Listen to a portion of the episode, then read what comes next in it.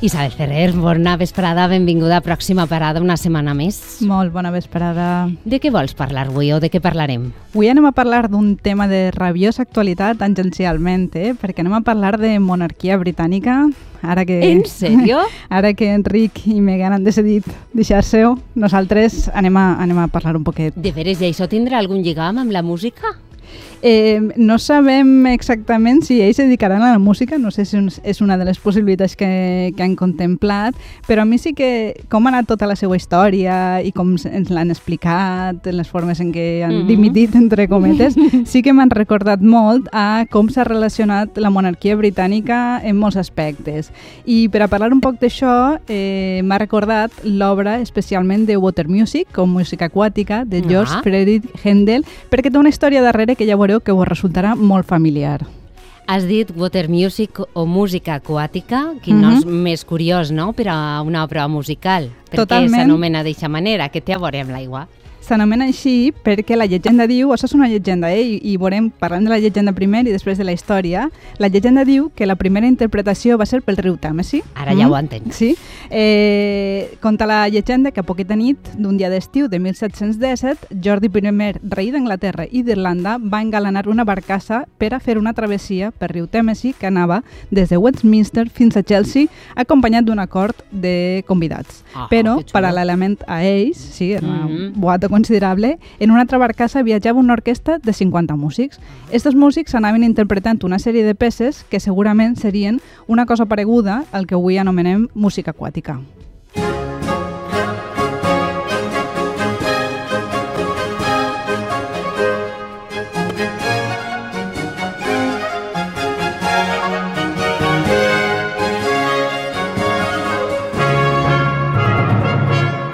M'ho estic imaginant i ja tinc com les imatges al cap. Esta seria l'època en què anaven amb les perruques? I perdona que t'ho pregunte d'eixa manera tan trivial. No, no, és esta música, la, és, és esta època, perdó, la de les perruques, la de que anaven tots, eh, els homes també acostumaven a anar maquillats, molt, molt blancs, i eh, és en esta context em sona esta música que és una de les més conegudes del compositor i diria que de la música clàssica.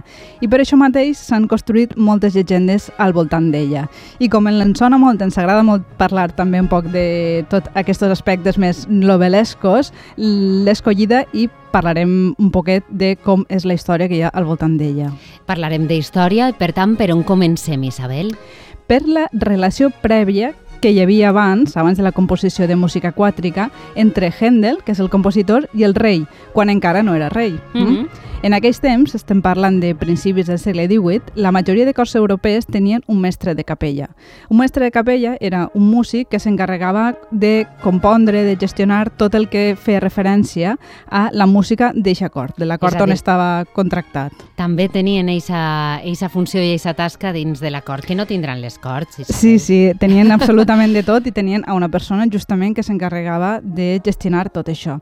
Aleshores, Händel era el mestre de capella de Jordi I abans de que fos rei d'Anglaterra, quan només, només entre cometes, era rei de l'estat de Hannover, situat, com tot el món sap, en el que avui coneixem com, com Alemanya. El tema és, el tema és, i ara anem a, a on comença l'assumpte, que segons la llegenda, Händel, mentre era mestre de capella a Hannover, després d'anar-se'n algunes temporades amb permís a Anglaterra, en principi, diu la llegenda, per a formar-se com a compositor, finalment va decidir quedar-se allí Mm, I va deixar plantat el que era el seu cap, que era eh, Jordi. Sí, va instal·lar-se com a compositor freelance, per dir-ho així. I això m'imagino que no li agradaria massa el que evidentment era el seu cap, perquè Enteu... eixir-se'n i fer-ho després de freelance, això... No, no li va agradar gens i el que se suposa que no intuïa Händel és que Jordi de Hanova, per una carambola de la història, acabaria esdevinguent Jordi I, rei d'Anglaterra. Ah, ara ja tenim ahir més ara, salsa, eh? Ara bé, això és el que diu la llegenda, que continua explicant que, clar, a Händel li convenia, li convenia una vegada ja en Anglaterra, reconciliar-se amb el nou rei per a poder rebre encàrrecs d'Anglaterra, molt especialment encàrrecs de la Casa Reial. I aleshores un tal baró Bon Kielsmansek sí, que és difícil de pronunciar, Ja que, era un, sí, que era un noble de confiança del rei i també era amic de Händel, es veu que li va dir al compositor que havia sentit que buscaven algú que creara una música destinada a amenitzar una festa aquàtrica que volia el rei. Aleshores, sembla ser que el comte va intercedir de forma secreta, sense que el rei Jordi I, que suposadament estava enfadat en Händel, la música que sonara haguera estat composada per Händel. Però va sonar la música de Händel o no va sonar? Sí, era música de Händel, però no sabem quina. Ah, El que passa és que la música triomfaria tant que mm, dos anys després 20 peces breus sí, s'interpretarien en un altre concert, també que eren una altra festa aquàtica, i aquestes sí que són les que avui anomenem música aquàtica. No sé si Mm. s'ha entès, eh? hi ha com unes peces que es varen fer per el Tàmesi sí, que sí. mm, suposadament es repetirien dos anys després. I les que es repetirien dos anys després sí que són les que avui anomenem música aquàtica.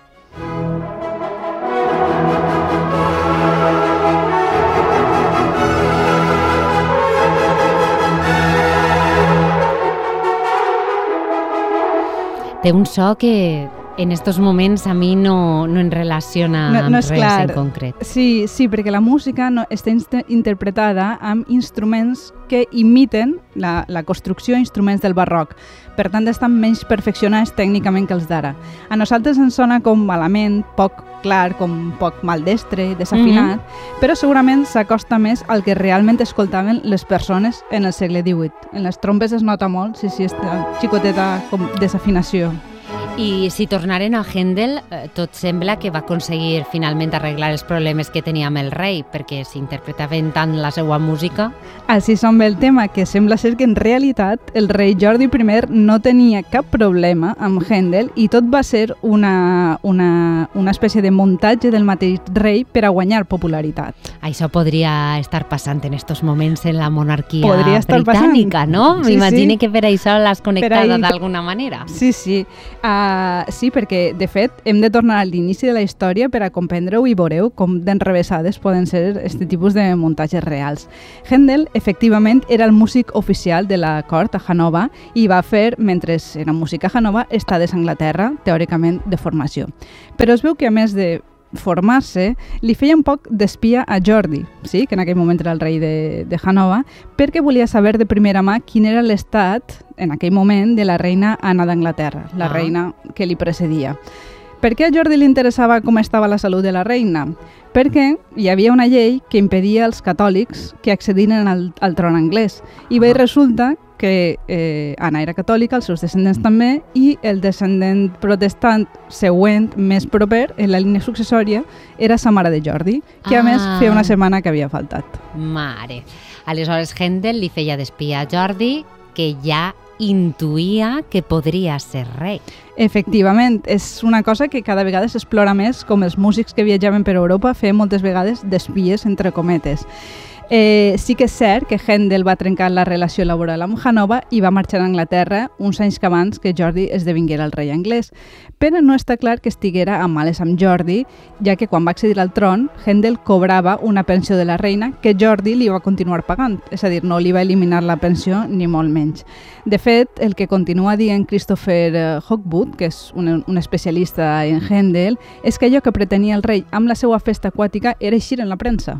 Ah, i Continua això... sonant vos, això. Sí, clar que sí, la corona britànica que sempre té molts titulars en tota la premsa a nivell mundial, jo pense. Sí, es veu que el rei volia recuperar popularitat perquè totes les notícies sobre la monarquia no se les emportava ell, sinó el príncep, que es veu que només que feia que organitzar festes i balls. I clar, el rei havia de muntar festes grosses per a fer-se un poc d'autobombo, eh? avui diríem autobombo. I no hi havia cap festa que portarà més autobombo que aquesta travessia tradicional que es feia per el Tàmesis. I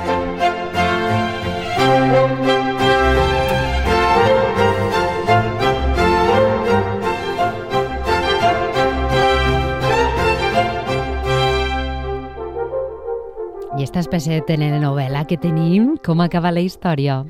Com he dit, no sabem si pel riu es van interpretar aquestes peces, però en un concert posterior sí, i encantaren el rei.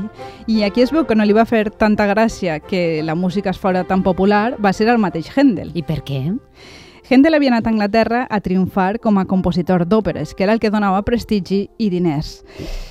Tot i que l'acte per al que estava fet música aquàtica era de molta categoria, perquè mm -hmm. era per al rei, en realitat esta música era com música ambiental, hm? com un film musical que tenien mentre feien el passeig. Sí. A ell li interessava la música cantada, composar música cantada, perquè era el que feia famós als compositors eh, perquè en aquell temps, escolteu que música aquàtica no té lletra, esta música no li trobava massa sentit, s'interessava la música que es podia cantar. Mm? Mm -hmm. Però ho va fer també, que clar, 300 anys més tard, Tu parles d'ell i la coneixem tots. Sí, perquè és una música que està pensada per a l'aire lliure, és molt vistosa, és alegre, té trompes, té comecos, té trompetes i aleshores té ritmes de dansa i a la gent li, li agrada i ens agrada.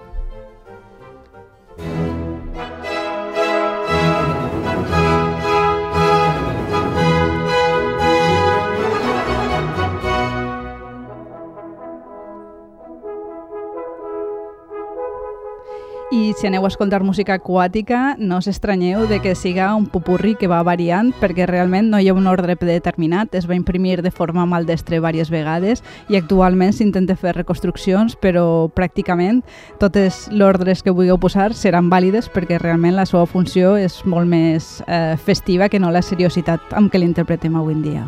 Entenc. Moltíssimes gràcies, Isabel, per acostar-nos al món de la música i a més relacionar-lo amb un tema d'actualitat, salsero, que I no tenia molt a veure, però sí que sí que ho tenia per, per la qüestió de tota la trama que passava la trama que al darrere, anteriorment. Sí, sí, sí, i que no, no, no hem inventat res. No, exacte, clar que sí, tot ho podem des, sempre descobrir en, la, en el món de la història i a més també en, el, en la història de la música. Moltes gràcies, Isabel. Gràcies a vosaltres. Adéu. Adéu.